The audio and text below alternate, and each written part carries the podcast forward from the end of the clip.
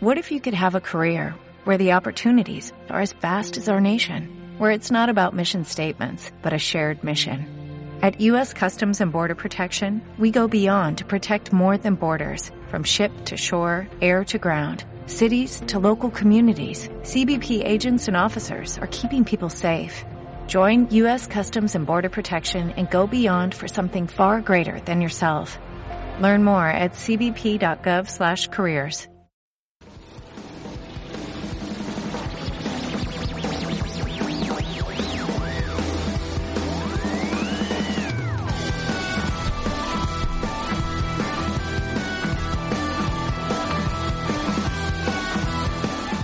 Benvingudes i benvinguts a La Guàrdia, el podcast on parlem de música sense filtres, ni etiquetes, ni elitismes. És el primer cop que ens escoltareu, a part de nosaltres, a una altra veu que no sigui la nostra. Però no vull destapar la sorpresa encara. Avui parlarem una mica dels Grammy, l'Ignasi s'endinsarà en el món de la crítica musical, viurem la primera edició de Jazz i Confessiones i jugarem a completar lletres de cançons. Acabarem el programa amb alguna llagrimeta entre el temazo que us portem i la llista per quan et deixen plantat en una cita. Comencem. Hola,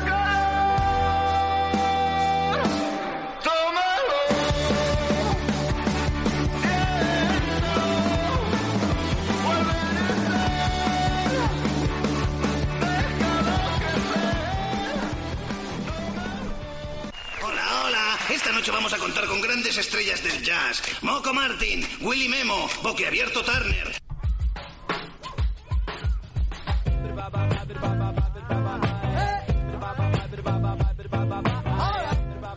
Ens trobem en època de gales de premis musicals. Fa poc es van donar els Grammy i en volem parlar amb Ignasi Estivill Hola, bon dia. i Marc Ferrer. Buenas. Jo sóc Jan Romaní i com a gran fan de Billie Eilish estic molt content que triomfés els Premis Grammy, així que per començar escoltarem una cançó seva.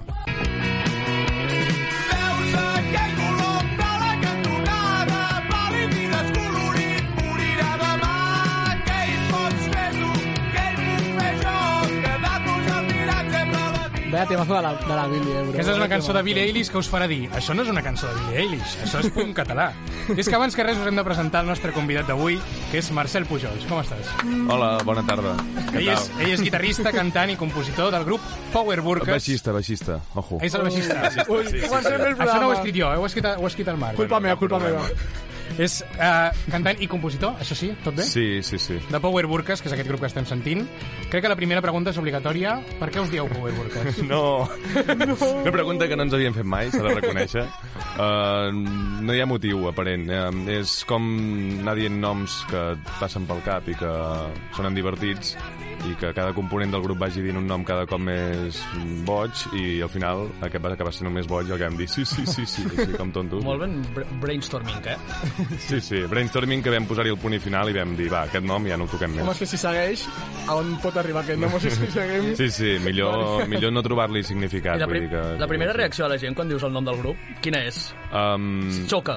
Quan ho dius, en, xoca. entre riure i una cara com, com d'allunyar-se, no sé. Depèn de la persona, suposo. Però sí, són aquestes les dues reaccions. I després hi ha gent que d'entrada ja veu el nom i ja no... prefereix no acostar-s'hi. Sí, no, no, diu, no, no, jo això no, no toco. I després hi ha gent que també, per des, quan ens escolta, diu, ah, vale, no té gaire a veure el que feu amb com us dieu, però, 100%. però bueno, és la gràcia també. I, I la vostra música, quin, quin objectiu diries que té a nivell de aquest, aquest estil potent i aquestes lletres iròniques? Quin, quin és, diguem, el missatge principal que, que vol transmetre el grup? Mm, no n'hi ha. La cosa és que som uns amics que toquem, que volíem fer un grup al principi i a partir de eh, de juntar-nos anem fent cançons. La gràcia és fer cançons i parlar del que ens passa. Vull dir, sense tenir clar volem dir això o volem dir allò a l'altre. És com senzillament és el, com et vas sentint tu en cada moment i van sortint aquestes lletres o també van sortint aquestes melodies que al principi potser era més, més hardcore, més, més trallero i ara ens anem una mica fent més poperos o jo què sé, però es dir transmetre com ens sentim, jo què sé, no, res més. A part del grup, vas, es, bueno, vas corrent de rock Sí, i vas amb, amb, en Marcus. amb el sí, senyor sí. Marc Ferrer. No- no Quina va ser la, pri la primera impressió que vas tenir de Marc Ferrer? Uh, El primer dia que va entrar, Home, un tio enrotllat. Que falso. el primer moment que va passar eh, per la porta... Un flow, potser que és moderno, no? És com, no sé... Molava, és com... És un tio curiós. No perquè trobi que, que per mi que és una persona curiosa, sinó perquè el tio està constantment uh, flipant-se amb alguna cosa i, bueno, no sé. Eh, Va, va, va agradar molt el tio allà, perquè donava molt bon ambient, això s'ha de No reconèixer. sé, no sé de qui està parlant, la veritat. Tu, tu, ets de tu, Ah, eh, tio. vale, vale, vale, vale. Em, precisament aquesta setmana també hem vist l'estrena d'una cançó de Núria Graham que es diu Toilet Chronicles. You should have told me I wouldn't have understood. Crying in the toilet, vomit on my foot. Lucky myself I wasn't the way out. Lucky myself I wasn't the way out. I aquesta cançó sorgeix com a resposta a una de les vostres cançons, que és Amor de Garrafa. T'hauria d'haver dit que no podia sortir d'aquell lavabo on ploraves una nit tancar-te no era pas la sortida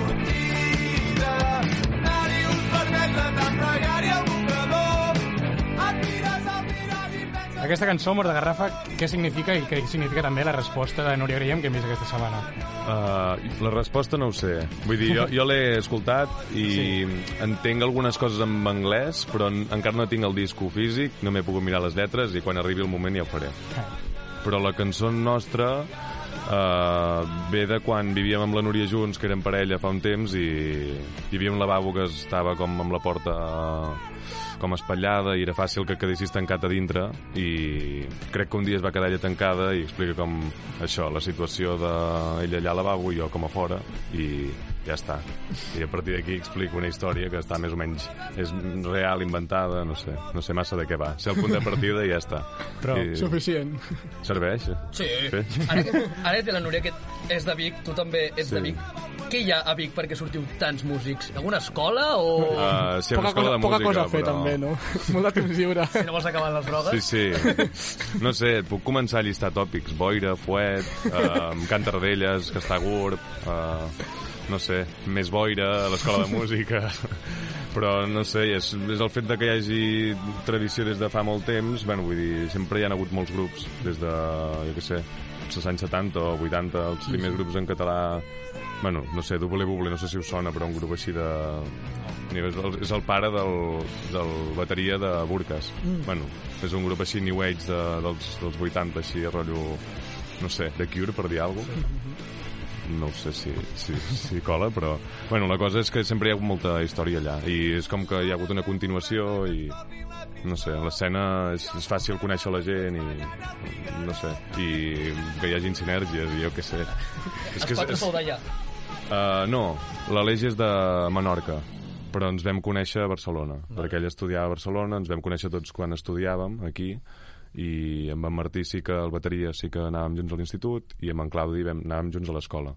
Després ens vam separar i tot. I ara esteu aquí instaurats, podria dir. Estem tots aquí, sí. Sí, sí. Jo tinc com una reflexió, o sigui, jo la veritat és que no us coneixia, per sort o per desgràcia, abans de conèixer a tu, Hmm. I ara que us he escoltat bastant, crec que sou, no sé si estareu d'acord, com els peus de porc de la música, perquè com a poca gent li agrada, però realment estan molt bons, o sigui, realment Sí. és com difícil... bons. No, a part de que el Marcel és molt guapo, és una cosa que ningú... Cau la bava, no? Més També guapo. hi ha molta gelatina. Més No? guapo de l'estudi, eh? 100%, sens dubte.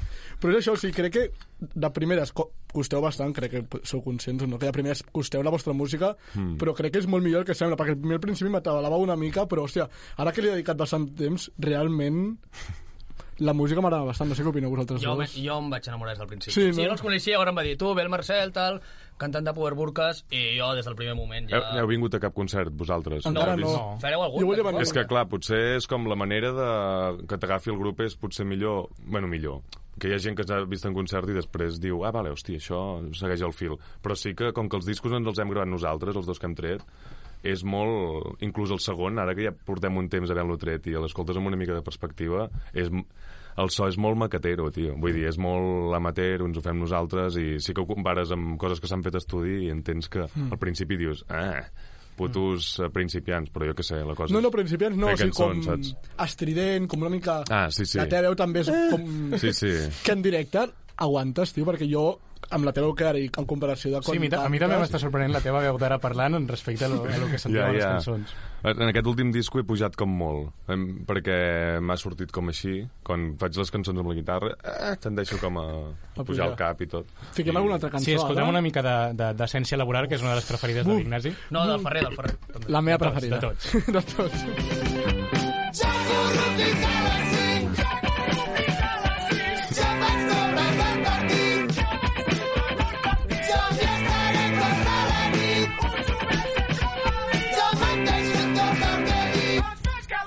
Com deia el Ferrer, aquest, aquest estil de música no és un que, que sigui molt mainstream, que agafi moltíssima audiència.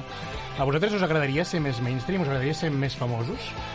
Mm, és no sé, ens agradaria anar fent les coses i si agraden bé i si no també. Vull dir, la idea és no cansar-nos de fer música, de que totes les traves que, bueno, que, que tens al tenir un grup, que és una responsabilitat al final i que és quedar amb els col·legues i, i, i si et fan el cas que ens fan, doncs currar-te les coses de, de zero, buscant-te concerts i tot això, que ens ho fem nosaltres, no perdre com les ganes de continuar fent música. I si que tinguem una mica més de popularitat ens serveix com per no perdre les ganes, doncs endavant. Bé, vull dir, clar, perquè qualsevol cosa és gasolina, saps? Qualsevol persona que et diu, eh, hòstia, això m'agrada molt, serveix per continuar, volem continuar fent música. I poder menjar de la música també eh, estaria bé, no? Estaria bé, però millor no posar-nos expectatives perquè després és com et frustres més ràpid. No, però jo vull no, dir... no, no, no dic peus a porc, simplement un tros de fuet i sí. mitja barra de pa. O sigui... No, no, clar, clar, poder-te comprar això, és- bé. No, bueno, ara, de fet, és com... En Burques no ens quedem res de la pasta que, que fem als concerts perquè normalment l'estalviem per això, Per- per, per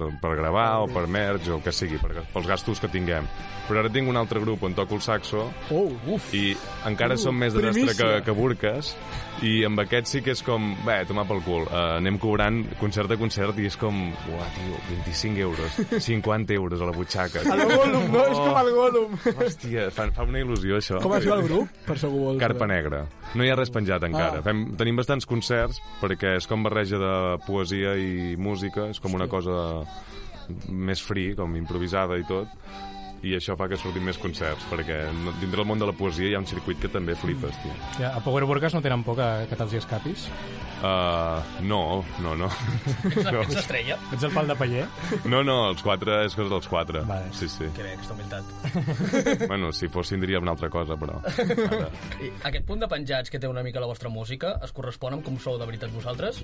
clar, bueno, Creus? Sí, o, no sé si és el que volem representar o el que volem fer veure que som, però també jo crec que som una mica així. Vull dir, per tal com funcionem, som una mica penjats, jo crec. Bueno, abans de, abans de presentar el Marcel, anàvem a parlar una mica dels Grammy, si us sembla bé.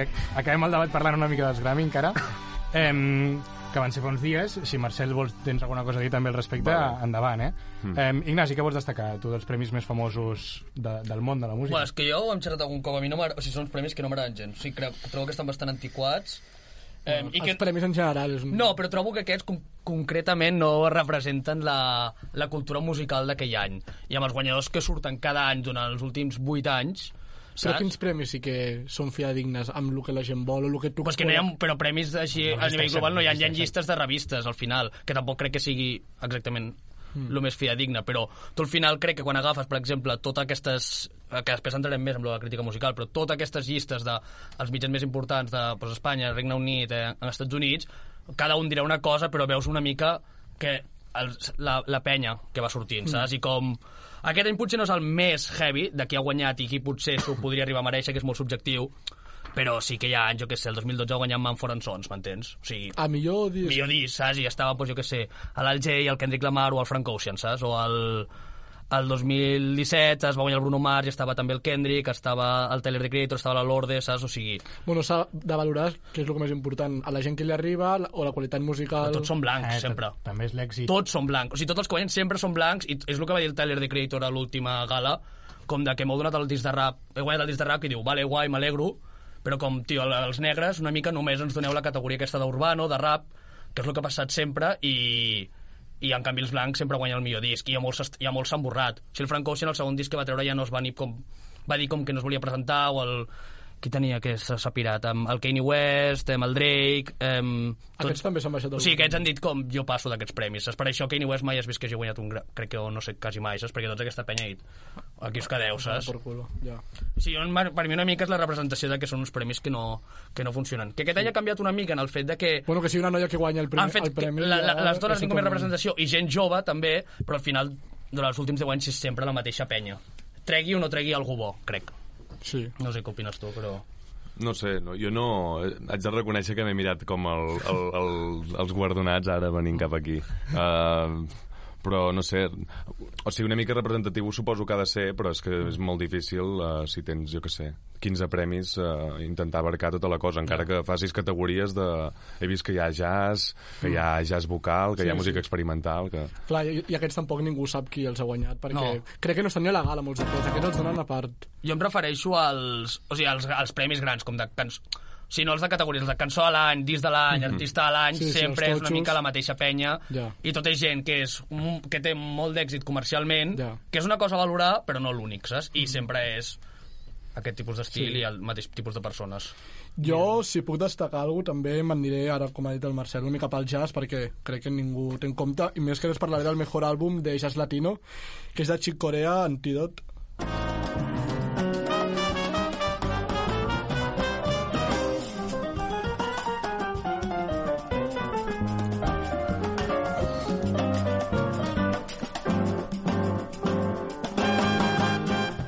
mi primer m'ha fet una mica ràbia perquè és jazz latino i el Chick Corea no és per res latino, és americà, però bueno, la Ah, veritat bueno, és que quan l'he És escoltat... morenet, és morenet, no? És l'estilo, no? És Ja, no, clar, clar, ja, però és com dir, qui guanya de música urbana latina i guanyés un dels Estats Units també em faria ràbia, o d'Alemanya. Molt jazz després- avui ens portes. Després l'he escoltat i realment és molt guai el disc, a part he estat mirant els, els músics que col·laboren i hi ha molts espanyols, venezolanos, crec que algun cubà també, i simplement és això, destacar que Chick Corea sempre és una persona que ha fu- fusionat molt tipus de música i sempre quan ha treballat amb música com el flamenco, com músiques així llatines, sempre ha tret el millor com va fer Spain, que és potser la cançó més coneguda que té, i un diu La Fiesta, i simplement això és un disc de jazz, però com molt fàcil, i si alguna persona vol com començar a experimentar amb altres tipus de música que no estan acostumats a escoltar, crec que aquest disc és bastant interessant. Va, jo, tu has escombrat cap a casa amb el jazz, Claro. jo volia escombrar cap a casa amb el tema pel·li, sèries i tal, Ai, ai. perquè el, uh, M'encanten aquests Grammy. Millor, Relaxant. millor banda sonora, ens és igual, no hem parlat dels 5 Grammys de la Billy i, i ni No, res d'això, però els, els eh, millor banda sonora va guanyar la, no sé pronunciar-ho, però Hildur Guanadotir, o algo així es diu. xupat, tio, cabrón. Eh? Xupat? No, no, perquè té dièresis i coses que no sé Ah, vale. Um, i, que, I que va guanyar a, a genis de bandes sonores com Ramin Djawadi de Game of Thrones, oh. Hans Zimmer de, de Lion King. Si no sabeu qui són aquesta gent, bueno, per mi són els meus ídols. Hans Zimmer sí que sé qui és. Um, evidentment. Sur- Ramin anuncis de, de YouTube, tio, aquest en Franz Zimmer, que fan Ah, com Hans sí, màsters de, home. de Sí. bandes sonores o això. Sí. I el Hans Tio, Zimmer? Eh que sí? És aquest. És, és el millor compositor. No, és com el Campus Xavi. A veure, si ets el tio és que com el Campus Xavi que et ve l'últim dia, el Hans Zimmer, i tu t'has menjat Ja. un trofeu de merda tot l'any, et ve el Hans Zimmer l'últim i no dia. és el millor, la mà, Xavi, clar. l'escupa a la cara i bien, Hans Zimmer. Bueno, pues aquesta, aquesta que també és la compositora de Joker, que segurament també guanyarà l'Oscar per Joker, cosa que quan Home, escolteu això, té molt sentit. No han sigut els Oscars encara? Quan escolteu això, Encara no. segurament hi haurà sortit els Oscar i podreu comprovar com jo tenia no, raó. No, no, no. Bueno, Sí, surt si diumenge algú i els n'escoltés Oscars al moment. Surt diumenge i el nostre Però podcast ningú- va abans. Ningú Tothom t'escolta l'escolta diumenge. No, ningú t'escolta... Ningú No, ningú t'escolta punt. Ningú t'escolta Bueno, però punt. tothom l'escolta al Però moment. la, la persona que ens està escoltant i, i ja ha passat els Oscars veurà com jo tenia raó i aquesta tia, a part de guanyar el Grammy, també ha guanyat l'Oscar. Jo, jo com a mínim us estic escoltant. Jo això ho constato. Vull dir, jo sabia Ara saber mateix, qui, qui però tindrà raó. tenim Ja quatre oients ara mateix. No ens comptes com a reproducció, ja. No, tothom que, que Ja, està aquí... dubto que ja ho no ens torni a compta. escoltar. No, hòstia, quina batalla, si tornes a escoltar. Bueno, jo, jo ho faig, però per veure, per veure les cagades que hem fet. Ho fas, ho fas perquè l'has d'editar i això, però te'l tornes a escoltar? Que me'l torno a escoltar. Després d'editar-lo o de fer els vídeos? Sí. Bueno, això, això, Això és força de voluntat. Sí, sí, Si no, no és... millora, si no, no es millora. Gràcies, gràcies. Gràcies, gràcies. No seria possible. Bueno, tanquem el debat escoltant una mica més de Power Burkas.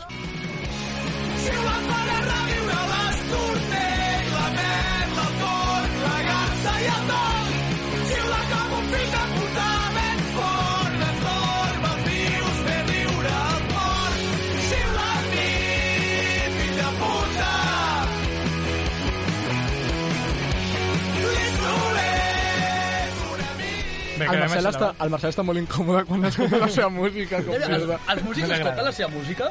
És una Ah. cosa que sempre he pensat. com el Jan al seu podcast. Sí, a vegades sí. És com, a vegades tens en moments d'aquests que vols tornar a escoltar algú quan portes temps sense fer-ho. Jo em, vaig coincidir una època al gimnàs amb el cantant de Manel, el Guillem Gisbert. El i seu el, veia, el veia a la màquina aquesta que no sé, que és com l'elíptica, i deia, hòstia, s'estarà escoltant ell mateix o no? Sempre m'ho A plantejava. part, aniria molt lent si escolta ell mateix. Clar, jo competeixo... No, però jo competeixo, jo competeixo. Se la podria escoltar ja, saps, amb l'elíptica, perquè tampoc és un ritme molt frenètic. superegocèntric que El competeix que passa és que quan, jo crec que quan fas el procés aquest de gravació i hi ha la mescla i tot això, escoltes tant les teves cançons i, i, i necessites com apuntar com aquí hi ha això, aquí allò altre, que quan acabes i el treus és com, buah, A tio, tomar no, el, el, te'l poses més lluny, molt lluny, molt lluny. Vinga, passem ara al butlletí d'actualitat, on, si el que voleu és informar-vos, només m'heu d'escoltar a mi i oblidar el que diuen els altres.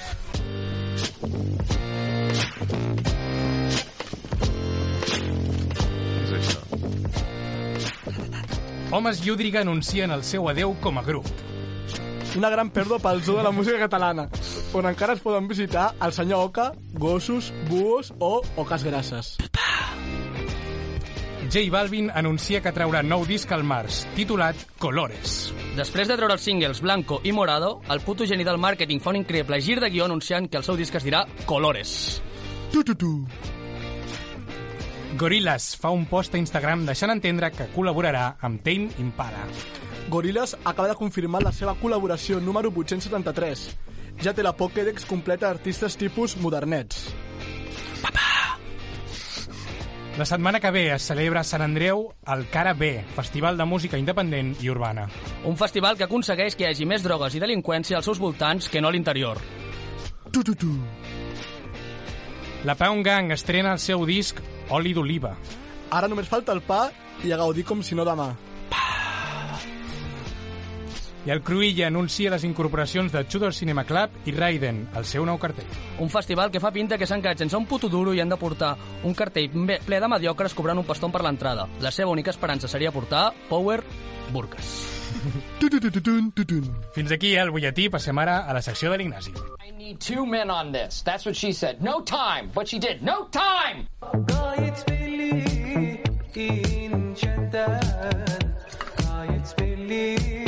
انشتت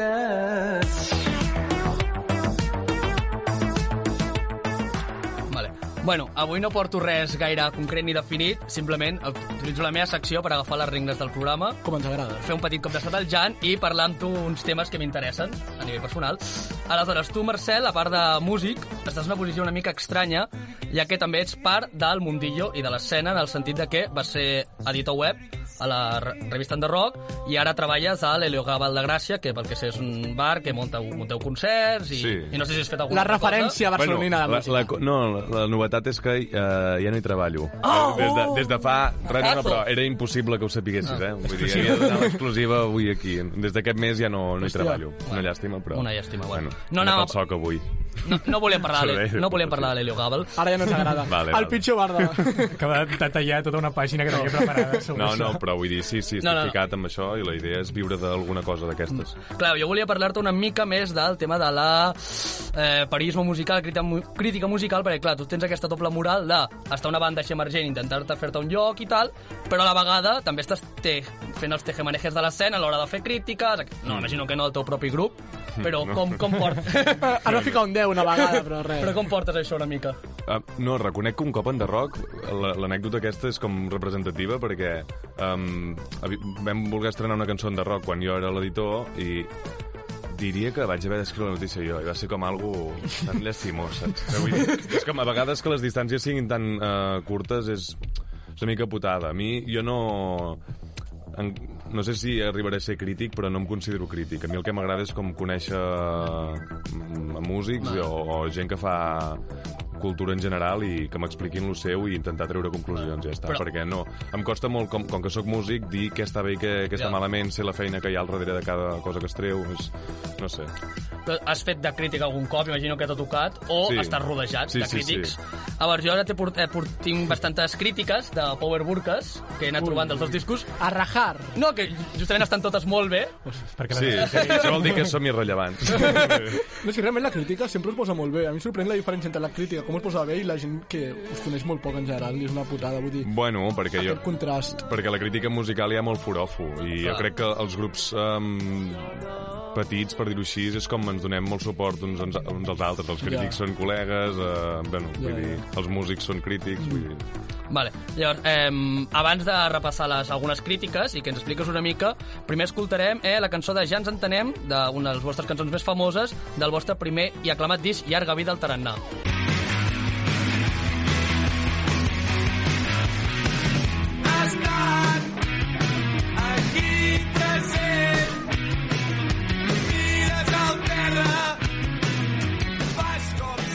Vale, llavors, de primer, d'aquest primer disc, eh, he trobat una crítica, una d'una revista que es diu Subnoise, que us, va, Sí. us van fer bastant cas. Eh, llavors, jo te la vull llegir i a veure si és una mica complicada per un públic més normal i a veure si tu la pots explicar per, pale, per gent més paleta, vale? com molts dels nostres oients. Crítiques vale? for dummies, no? Exacte, crítica for dummies, ¿vale? Te la llegeixo, ¿vale? Es una part. Es que sus gráciles sonidos, que van desde el punk desbocado al power pop más gamberro, pasando por el rock de baja fidelidad que se practicaban con fruición en los años 90, son claramente deudores de los que han ido haciendo desde hace tiempo los conjuntos musicales norteamericanos. Perros infieles que quieren derrocar como sea el wahhabismo, que como todo el mundo sabe es amor, paz y armonía. Què vol dir això? Bueno, que... que... La tens aquí si te la vols llegir, eh? Um, és això d'aquí. El, el wahhabismo aquest, eh, no, no sé què vol dir exactament. Pues, Hace tiempo los conjuntos musicales norteamericanos, perros infieles que quieren derrocar como sea el wahhabismo, que como todo el mundo sabe es amor, paz y armonía. Mm. Jo, em, em costen d'entendre, tot i que l'he llegit ja dos cops. Em, em sonava que quan va sortir també la vaig llegir, però no me'n recordava. Jo crec que vol dir que, um, bueno, que estem agafant coses antigues. Que som un grup de nanos joves que pillem coses dels 90 i dels 80 i no sé. Uh, un col·lega va fer la nota de premsa del disco i va dir que d'aquest segon que era com una... no sé, que que, érem, que era la gran història del rock, que el nostre era com anar pillant catxitos de tot arreu i jo què sé, i fent-ho així. No sé si aquest tio volia dir el mateix, Ja. però... Sou una tenda de segona mà de, de carreta i és una mica... Sí, sí. També Mondo Sonoro, del primer disc, eh, us van nominar millor disc català del 2016, Mm. guanyant a... Primer lloc, primer lloc. Primer eh? lloc, va guanyar. Sí, sí, sí, guanyant a sí. Sidoní o Los Mambo Jambo. No. I no, diu, una mica similar. Ahora proponen un Saps viaje... per què això, no? Per què? Uh, bueno, tu estàs a Mondo Sonoro, també. Sí. Jo crec que és gràcies als becaris. Vull dir, som, els, som el grup dels becaris.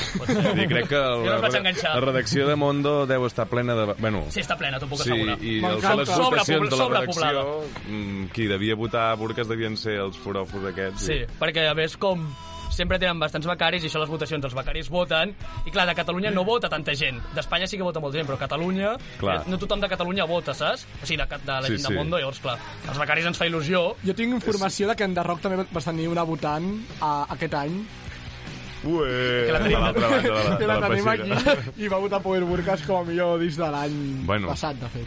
Estarà, estarem allà, estarem allà. Ja. I ara passem al, al segon disc amb la cançó de Flipant amb l'estímul virtual del vostre disc Mai nego l'oci.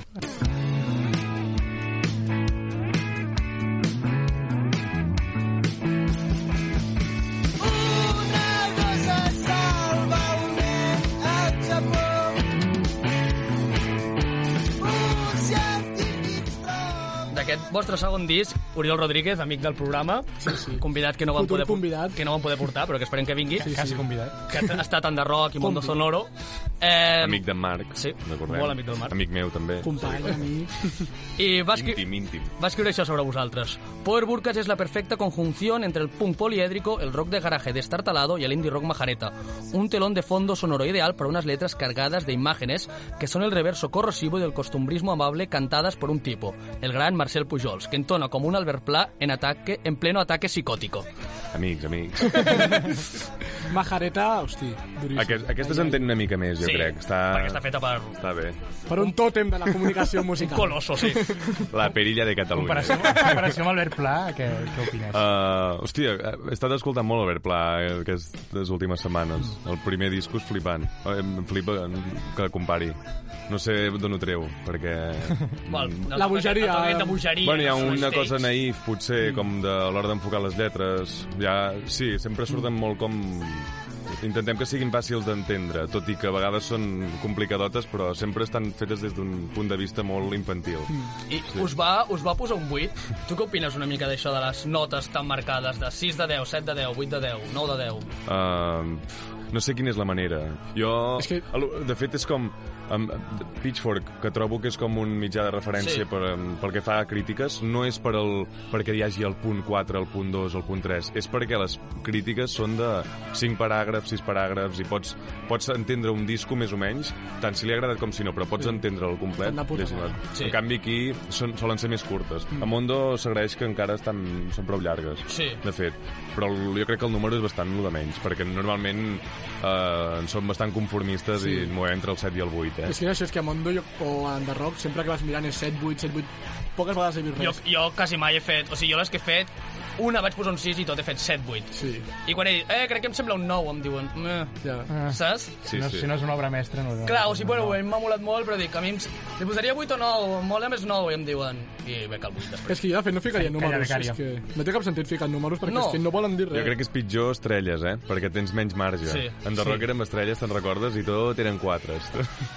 Però, No sé. Però els números està bé, tio, per, perquè al final pots comparar... O sigui, tens tots els discs d'un artista, per, a, a, com a mínim entre l'artista, si té quatre discos, així els pots com ordenar i comparar, no? però és que to, a tots fiques un 7 o un 8. Bueno, Dic no. si ho fas bé, dic els, si ho fas els grups d'aquí posaràs un 7 i un 8. Els de fora, com que Clar. tens la certesa que no et llegiran, allà hi ha més Ja, 6 hi ha més sí. 5 Clar, és el que li passa a, a Pitchfork o a les americanes, que els és igual fotre un 1, un 2, I això és el perquè... que mola. Això és el que que mola. ens diguin alguna O cosa. sigui, que si un disc és, és, un disc és dolent, és dolent, i punto. I si fots un 4, li fots un 4. Però és que jo no veig cap de 4. Bueno, si és Bueno, dolent ho has d'argumentar. No, no, vull a dir. La gràcia és que si és dolent fotis el text allà explicant per què et sembla pitjor que l'altre. Que això, és lo, que això és lo xungo. Sí. xungo. És fàcil dir les coses bones, però és xungo, jo crec, Sí. justificar per què és una merda per tu. Dius, Sí. no m'agrada, però justificar-ho bé costa. Sí que la música és una merda, és tan relatiu, vull dir. Clar. O la música és bona. Bueno, sí que és veritat que com més discos treu un grup, més fàcil és veure les mancances. sí, sí, Bé, vull sí, dir, sí. perquè el pots comparar amb els altres, d'alguna manera. És subjectiu, però tu com a músic, o sigui, tu pots apreciar si una cosa està, per exemple, ben feta o no està ben feta, o les lletres són un xurro o no, saps?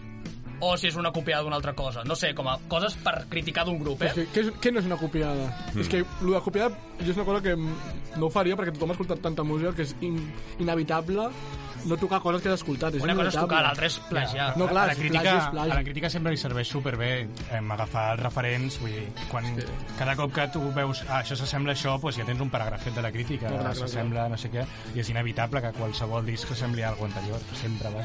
Mm, s- o sigui, no és dolent que s'assembli, perquè tot Clar, és no és repetició, però la cosa és intentar trobar algú nou amb cada cosa que escoltes i que, i que qui, ho es, qui, ho, qui ha de fer la crítica trobi algú nou.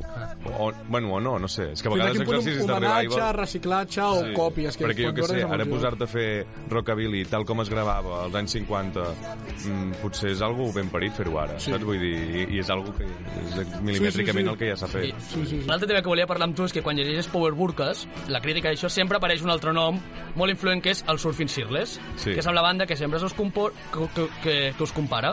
Eh, llavors, primer de tot, ara ficarem aquesta cançó que es diu Montseny, del disc Romaníssim i Sang, perquè estigueu una mica més enterats.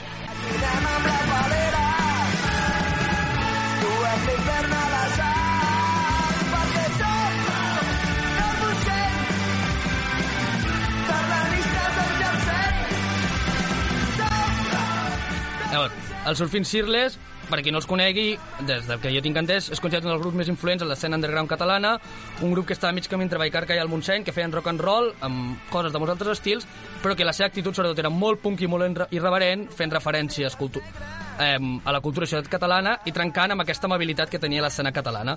I un lloc vaig llegir que eren, van sortir a la mateixa època que Manel i els defineixen més o menys com el germà Gamberro i underground de Manel.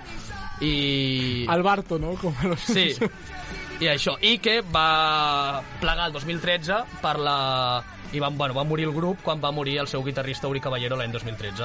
I van tornar a ser notícia fa un any que van fer uns concerts Van tornar a tocar. Llavors, Jo us aconsello que els aneu a veure. Sí, sí, perquè aquests concerts que van fer de tornada van ser acollonants. Bé, vull dir, tal com us recomano que ens vingueu a veure nosaltres Sí, sí, i que sí. entendreu més el grup, Surfing és grup de veure en de directe i flipa. I ens pots explicar una mica més d'aquest grup, de què ha significat per Power Burkas, potser, o per tu com a persona? No ploris, eh, Marcel? Ho intentaré, ho intentaré. Uh, és, és el que us deia, un dels concerts, bueno, dels concerts més bèsties que, hem, que he vist jo personalment és el de Surfing Searless al Sugar Il·legal de Vic, un festival que es fa durant música viva allà eh, sota la xamaneia de, del sucre, eh, a peu de carrer i tothom envolta el grup i, i veure els Surfing Searless allà sense conèixer-los de res i veure allò que, que cantaven en català fent alguna molt guarro i que, no sé, hi havia un lloc allà que, que veies alguna que no havies vist mai i després els vas escoltant i veus les lletres que porten a un imaginari eh, d'aquí i d'allà però sobretot de referents de catalans que, no, que desconeixies jo que sé. Uh, no sé, és que hi ha una cançó que et reciten Verdaguer d'aquest Sí. disco. Vull dir, després et parlen de d'en Flowers un mot de, de Gràcia mític que coneix el Rollings i tot Kiski. Des, bueno, no sé des, es reciten a foix. És com penya molt il·lustrada però a l'hora de barra com gent molt ben parida, saps? No sé, és un grup molt mític. per Posem un moment la cançó de Pubilla de, Coix, de Cuixa Forta. Pubilla, pubilla de cuixa forta,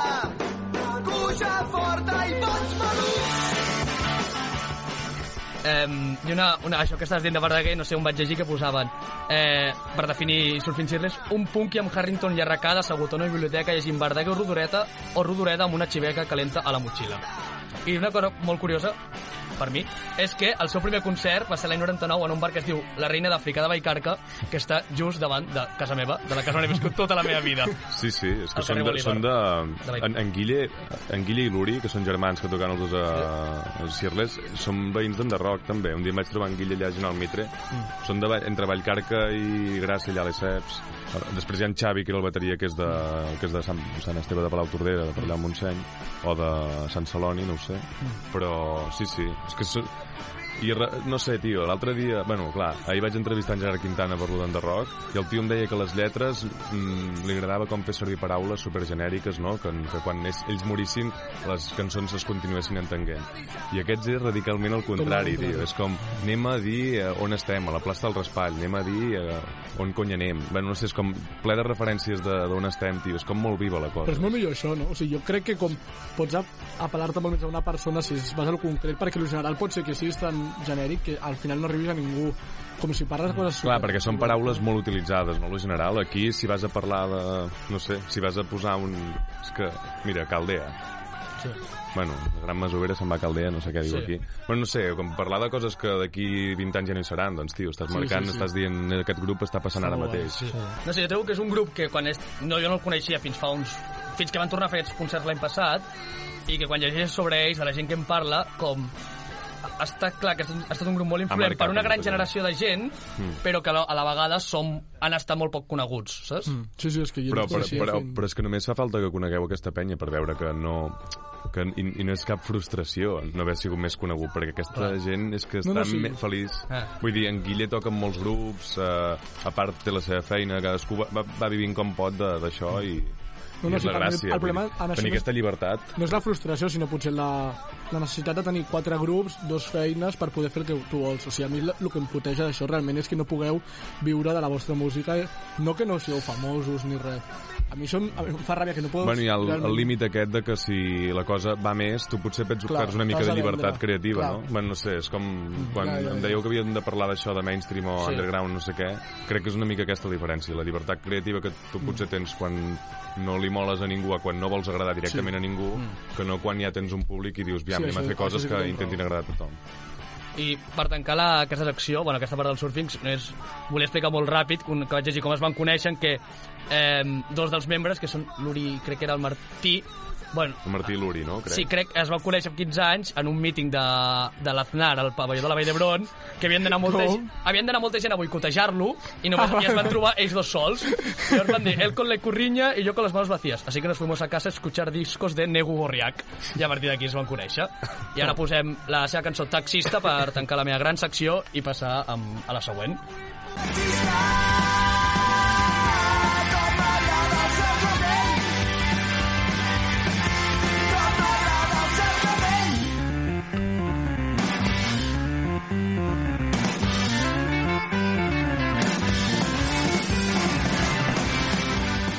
I on entrem ara és a un nou espai radiofònic ple d'intimitat i introspecció, conduït per l'apassionat locutor Melancólico Brian, que ens porta Jazz i Confessiones.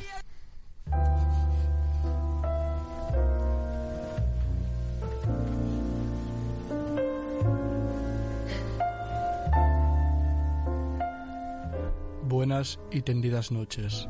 Esto es Jazz y Confesiones. La ventana que se abre cuando se cierran las puertas de la lógica. La esquina desde la que observar el mundo. La mirilla a los miedos y esperanzas más mundanas de las personas. Esos pecaderos ominosos. Esos soñadores empedernidos.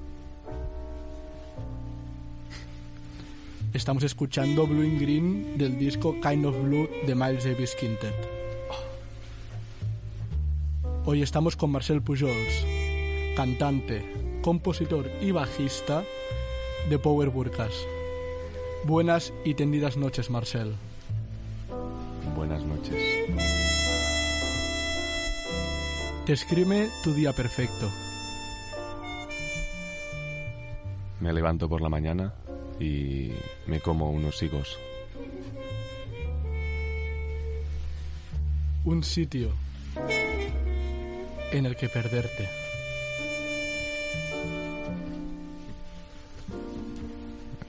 El Delta del Ebre durante los días de gloria.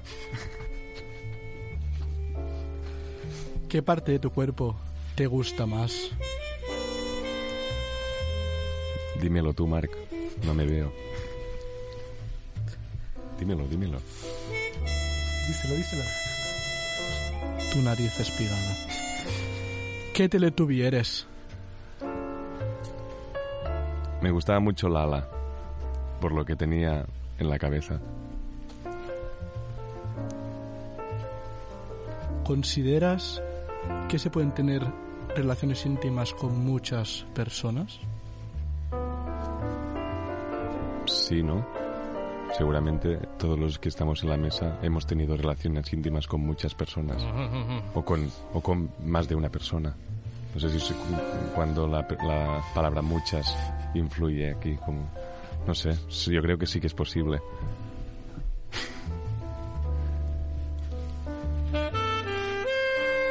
¿Cuál sería un buen título para tu autobiografía?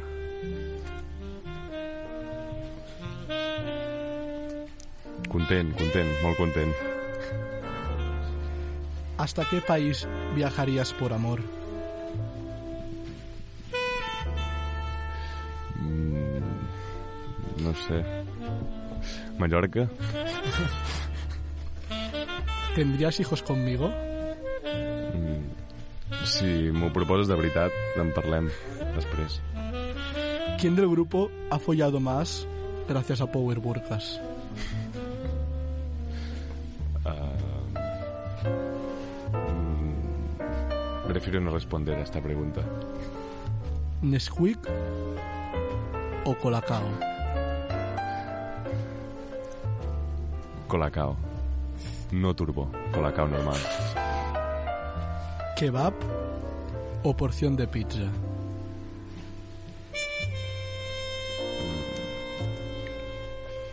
Pizza, porque hoy ya me he comido un kebab. ¿Shakira o Jennifer López? Solo por el nombre, J. Lowe. ¿Anda Rock o Mundo Sonoro?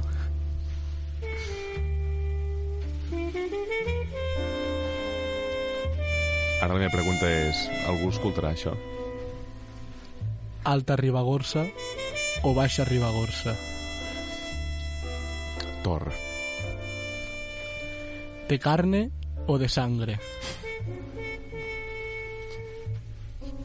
¿Puedes repetir la pregunta? ¿De carne o de sangre? De sangre, rojiza, rojiza. Hasta aquí Jazz y Confesiones. Tu espacio. Mi espacio. Nuestro espacio. Lugar donde contemplar y ser contemplado. Querer y ser querido. Admirar y ser admirado. No es más rápido el que más corre, sino el que más avanza. Buenas y tendidas noches. Hasta siempre, Marcel. Gracias, Marc, por invitarme.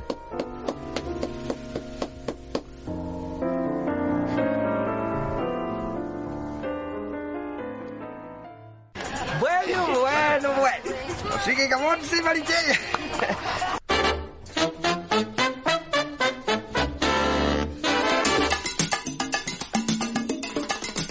Vamos a jugar!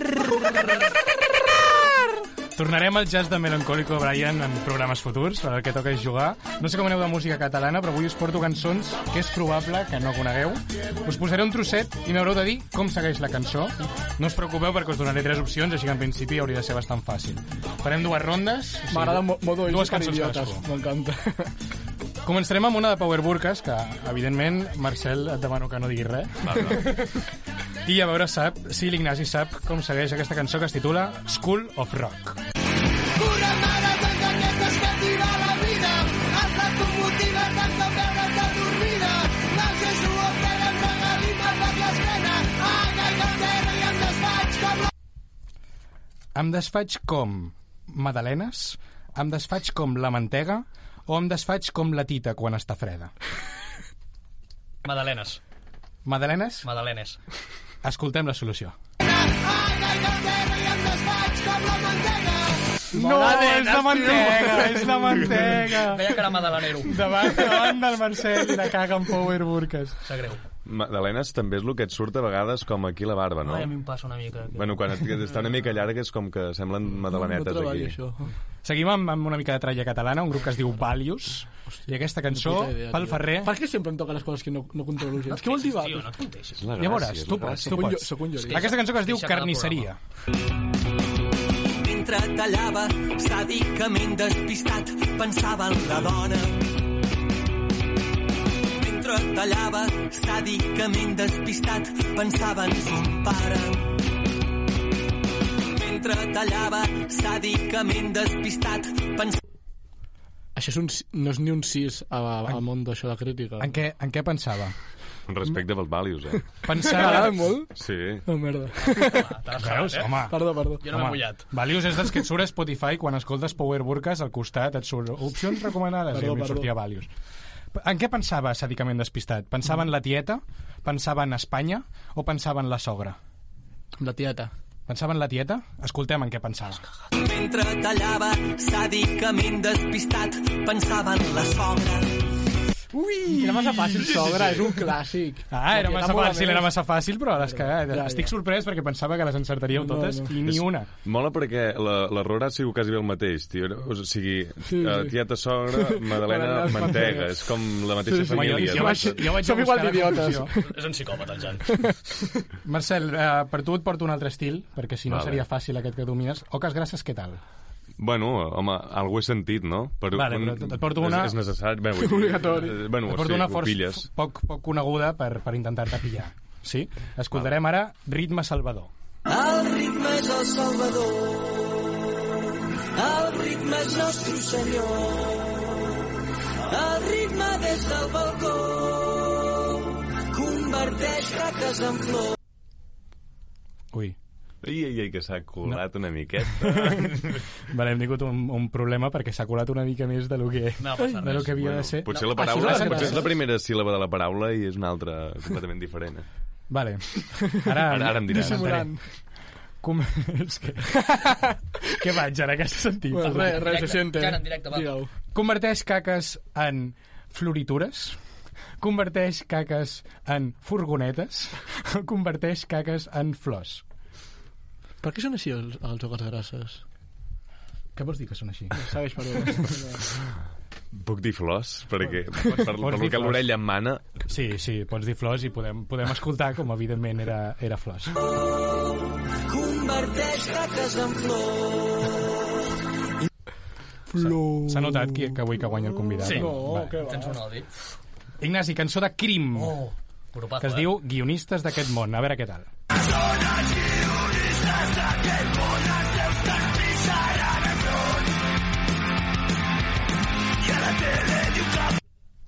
I a la tele diu que plou, a la tele diu que morirem tots, O la tele diu que puja la prima de risc fins a un 13,2. Bona rima aquesta. Me la jugo en plou. Te la jugues en plou? Sí. Anem a escoltar què diu la tele. Molt bé, anem per l'opció fàcil encertant aquest cop. Bé, bé. Ojalà sigui l'únic que faci zero. Ara va- vaig a fallar. Fa la pinta de zero. Ferrer, una mica més de tralla catalana, aquest grup que es diu Panellet. Que malos són. Aquests secretes controlen. Gran panellet. Uh, sí, estan bé. Sí? No, sí, sí. A mi no m'agraden gens. No? No, gens, gens, gens.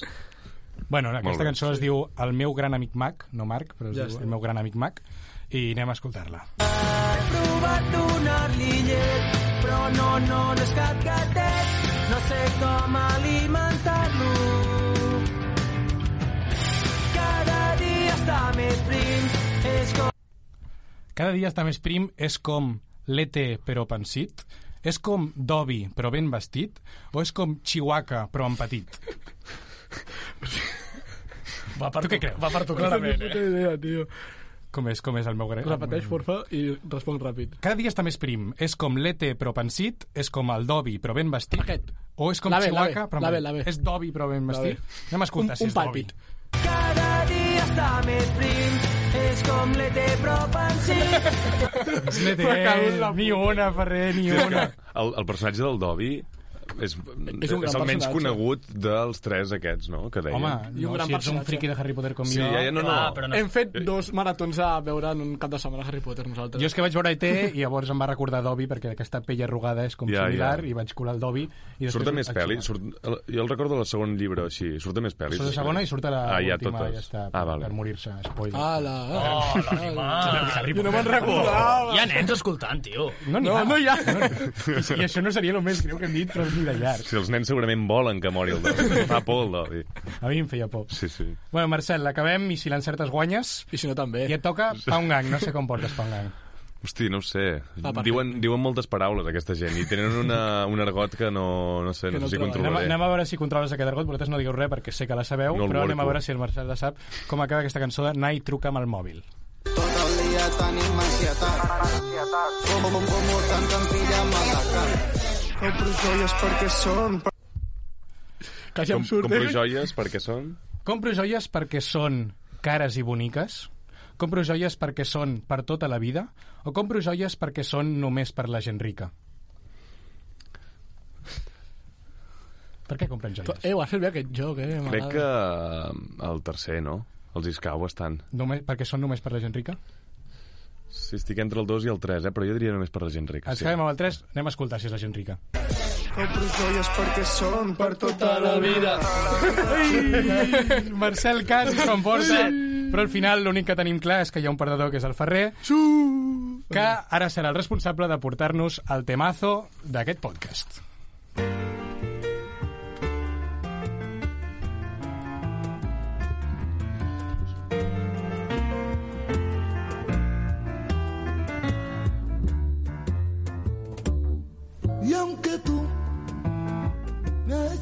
Avui rememorarem una de les cançons més boniques de la història, Làgrimes negres, bolero interpretat originalment per Miguel Matamoros a l'any 1930. El bolero és un gènere musical d'origen cubà que destaca per la seva temàtica romàntica i melancòlica i el seu ritme suau i delicat. La història diu que l'any 1930 Miguel Matamoros, guitarrista autodidacta i compositor reconegut, va viatjar a Santo Domingo i es va hospedar a la casa de huéspedes de Luz Cerdanya. Una nit va escoltar els plors d'una dona a una altra habitació i va anar a preguntar a la Luz, la propietària de l'hostal, per què plorava aquella noia. Luz li va explicar que la parella de la misteriosa noia l'havia abandonat per una altra. Matamoros es va inspirar en aquella commovedora història i va composar aquest preciós bolero.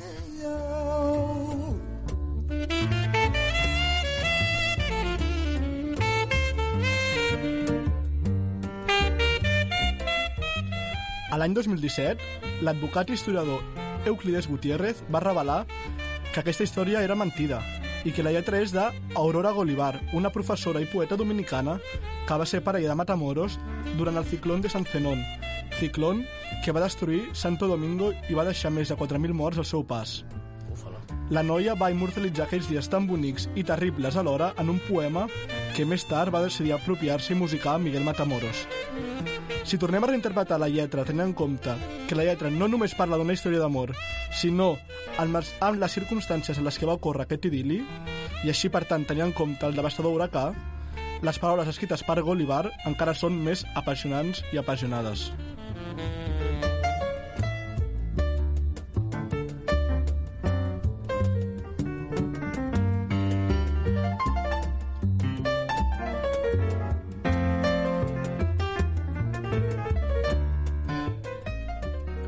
Versió que estem escoltant és de Diego El Cigala, acompanyat per Bebo Valdés al piano i forma part d'un disc de l'any 2003, on aquests dos magnífics intèrprets es van rodejar de grans músics, com ara Paquito de Rivera al saxo, per crear un disc brillant que fusiona la música llatina, com ara el bolero, la bossa nova o el son, amb el flamenc. Entre els nou temes que formen el disc destaca Làgrimes Negres, que va posar nom al CD, per la seva bellesa en la lletra i per la seva motiva però precisa fusió entre bolero i flamenc. En aquesta gravació, concretament, Bebo, Bebo Valdés tenia 85 anys i ja estava considerat un dels pianistes més influents de la història per ser un dels impul impulsors de la renovació de la música cubana en la seva època daurada i de la fusió d'aquesta amb altres estils, com ara el jazz. Per la seva banda, Diego Cigala era un virtuós però emergent cantaor que començava a ser conegut pel gran públic gràcies a la passió que imprimia a cada nota amb la seva talentosa veu. En mis sueños te como bendiciones. Per tancar aquesta peça, Matamoros va fer una de les grans innovacions en el món del bolero, la definida com tercera variant de la trova cubana. La innovació es basa en posar un estribillo en, forma, en format de son montuno al final de la cançó per diferenciar la primera part, reflexiva romàntica de la cançó, amb un estribillo més ballable, moltes vegades improvisat o original, que li dona l'oportunitat al bailador d'executar danses més improvisades i lliures.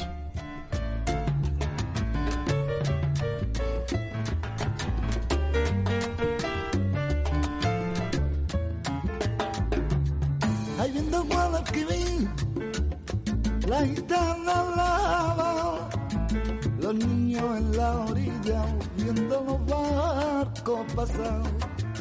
Agua del limonero, agua del limonero, si te acaricio la cara tienes que darme un beso.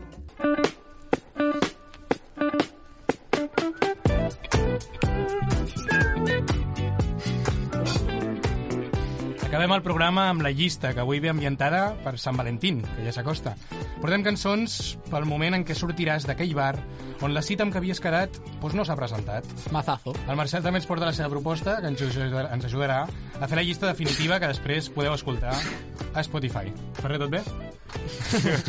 Començarem amb l'Ignasi. Quina cançó, quina cançó has triat Vale. per un moment tan dur com Jo aquest? la meva l'he portat a un terreny molt personal, o sigui, com crec que ho viuria jo, una cosa que no m'ha passat, de moment encara, per sort. Perquè ets tan guapo, interessant, intel·ligent. Guapo! Ningú et deixa plantat. Eh, doncs jo crec que el que passaria és que aguantaria molta estona al restaurant, saps? Allò que tot l'estaf i els cambrers estan super incòmodes ja, en plan, que ja tothom ens comença a mirar en plan... Estaria explorant. No, no, com. Ah, il- amb ulls d'il·lusió encara, en plan. Ah. Jo crec que estaria amb ulls d'il·lusió i com de... Tu, La Rosa es va pensar. Sí, i tothom molt incòmode, tal, no? I llavors el cambrer, un cambrer et diu, tu, va, pirat, no? Eh, llavors crec que est estaria... És bastant humi... És una barreja entre tristor i humillació, perquè entenc que no coneixes molt aquesta persona, però és, és una hòstia en tota la cara que et fa sentir com una merda, saps? Que no t'han ni avisat, no? Llavors crec que m'aniria a un altre bar per cobrir aquestes hores que en teoria havia quedat i, seguir, I emborratxar-te. I seguir bevent. Llavors, eh, la cançó que ho descriu és que quan ja portaria 4 o 5 cerveses sol a la barra del bar, sonaria aquesta cançó i algú de vosaltres dos, per exemple, bons amics, em vindríeu a recollir. I seria t'agradaria. aquesta. Sabia que l'anava a ficar aquesta, i amb l'explicació sabia que anava cap aquí.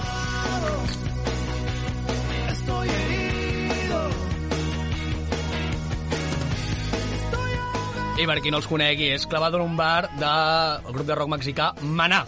De raó, mític, mític. Mítics, com diria l'Èlia, mítics. Ferrer, tu què ens portes? Em, jo he intentat com com tampoc m'he trobat mai en aquesta situació perquè crec que mai he tingut una cita molt trist No, perquè tots no sou- importa sou guapíssims tots i no, Ah. no us deixen mai plantats. però clar, si no la tens no poden deixar plantat bro em, un de la vida bueno, total, que he buscat com la cançó més trista que conec i he buscat una cançó que sigui tan trista que t'animi fins i tot quan tu estàs malament vull dir, una cançó que et fet, pot fer que quasi que et tiris per un, per un barranc quasi, o que vegis que la, hi ha gent pitjor que tu i llavors t'animi. I a part és una cançó preciosa, que és aquesta. Se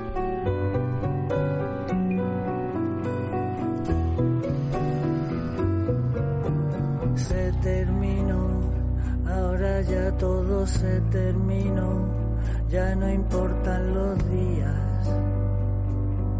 ni la vida. Nada És de ayer. La canció més triste, que es diu així, Ah, de, de Robe. Ah, de si Robe. tu has buscat canció triste. No, no, i no. M'agrada molt Robe i coneixia aquesta cançó. agafat triste de Queixió, eh? Jo per la intro em pensava que anaves a posar Àlex Ubago. No, que no, no, no, sé no. si comparat amb aquesta, qui, quin està més uh, Clar, és deprimit, que eh? N'Àlex Ubago m'hagués semblat, m'hagués ofès a mi mateix perquè és com Que justament quan vam parlar d'aquest tema vam dir no, no pillem Alex Ubago. Vale, va. Ni Àlex Ubago ni el, com es diu, el, el Beret aquest. Ah, y la lletra es brutal. He llorado tanto, tan adentro, tanto, tanto, que ha pagado hasta el infierno. Es que és, és preciós. Bueno, Robé ja sabem el que és. és bueno, a mi m'encanta, ja sabem sabeu. I és brillant. Cantant d'Extremadura, Sí, per qui no ho sàpiga. que ara faran la gira... Ara han tornat, bueno, han tornat. Ara es despedeixen i fan una gira de despedida. Vale, la meva cançó també és una cançó molt, molt trista, que a mi també em fa plorar, i que és aquesta.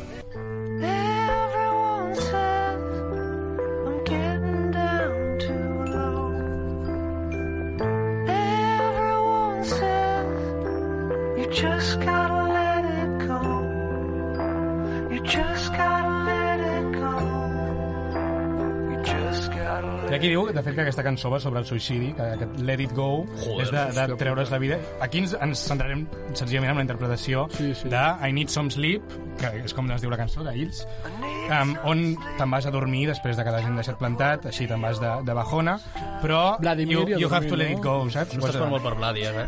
No, no, te'n vas a dormir, dia, punto. me iaia em va dir una, com una frase feta d'aquestes que va, és de puta mare, tio. Rotllo, el, el, bueno, que potser l'heu sentit, eh? El, el millor conseller és el coixí. Sí. Saps? Jo no l'havia sentit. No. Em flipa perquè és com... I, i, pot tenir diferents interpretacions, eh? Però ell em va dir, rotllo, bueno, tu pots estar molt malament, però rotllo, dorm una mica, que quan et llibis l'endemà ja no te'n recordaràs, Exacte, saps? exacte. Com ja Això és Molt coses. urraltavitja, realment, quan tu t'adorms. sí, Sí, això és el que ja busquem. I need some sleep, tipus, quan t'acaba de passar una cosa com que l'han deixat plantat, te'n vas a dormir, demà serà un altre dia, no hi donis masses voltes, you have to let it go, i t'oblides així de la persona pues, que s'ha oblidat de tu, també. A més, la cançó potser també us sona de que surt a la banda sonora del Rec, i crec que és justament quan et deixen plantat que et sents així com una mica com un ogre lleig que ningú l'estima, no? Així que també he trobat aquest... Demagogogia no, eh? Demagogogia no. Això és Bueno, màxim seria, de seria una bona pel·li per mirar un Sí, dia així. i és el que quan Amb el, res. amb el consell del Marcel potser podríem ficar un coixí en comptes del buc. Vinga, Marcel, acabem amb la, amb la teva proposta que ens portes per la llista. Jo és um, una mica en contra dels tres, eh? Perquè és Ah, cançó radicalment diferent. No radicalment diferent al programa, perquè és d'un grup que ja hem sentit en aquest programa. Uh, és hòstia, que ben filat tot, eh? És del Surfing Searless. Però de la frase que em va passar Marc pel WhatsApp, la paraula amb què em vaig quedar va ser bar que això et passava en un bar. Sí, sí. Llavors, quasi que el millor que podies fer era quedar-te allà i, i deixar de pensar-hi um, en el moment en què et passa. I la cançó es diu Centre del món i va d'estar molt a gust a un bar.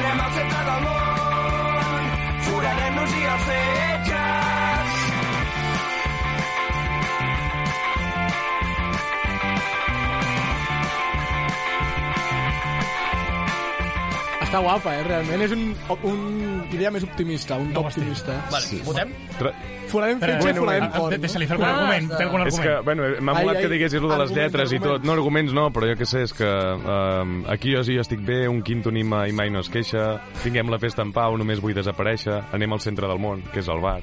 No sé, és com...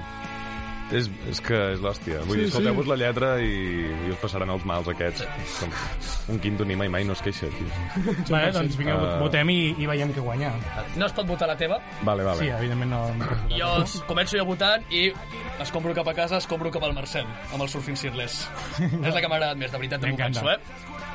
Eh, Marcel, vols, vols votar tu? Així no, Sí, no, no sí, tinguem el el- compromís d'haver de decidir el final. Jo voto la d'Ils. La meva. La teva, sí, sí, sí. Gra grande convidat. Eh, Perquè m'ha tocat, perquè és rec, la tinc molt a dintre. Sí, jo també, jo també. Jo... Eh, és que em sembla com que, que ho fem volent la del Marcel perquè realment m'ha semblat com una bona visió i la cançó és molt xula, per tant també voto Marcel. Ho sento, Jan. Molt bé. I perquè el que farem ara segurament és anar a fer unes birres. Sí, no? sí. quin remei. Uh, doncs la teva ja guanya, perquè jo no puc votar a mi mateix. Aquí Per és qui veritat. votaries tu? Um, mira, jo et votaria a tu, Ferrer. M'ha agradat molt la teva cançó. Merci, és un tema. Um, no, no passa res. No ja, passa tu tornaràs a Ho superaré. Tu ets Però, simpàtic. però el, ets el, el simpàtic, guanyador d'avui és el nostre convidat i, i no ho hem fet pas expressament, o això diuen. Um, I amb aquesta cançó doncs, serà que ens despedirem i podrem sentir un altre cop la lletra a profunditat. Um, moltes gràcies, Marcel, per acompanyar-nos avui. Moltes gràcies també al nostre tècnic de so, el Toni. Merci, I Toni. moltes gràcies a tots els que ens escolteu i els que ens comenteu coses per Twitter i Instagram, que no són oferir-nos formes ràpides de ganar dinero fàcil. doncs nosaltres tornem d'aquí dues setmanes. Molta música i no baixeu la guàrdia. Adeu.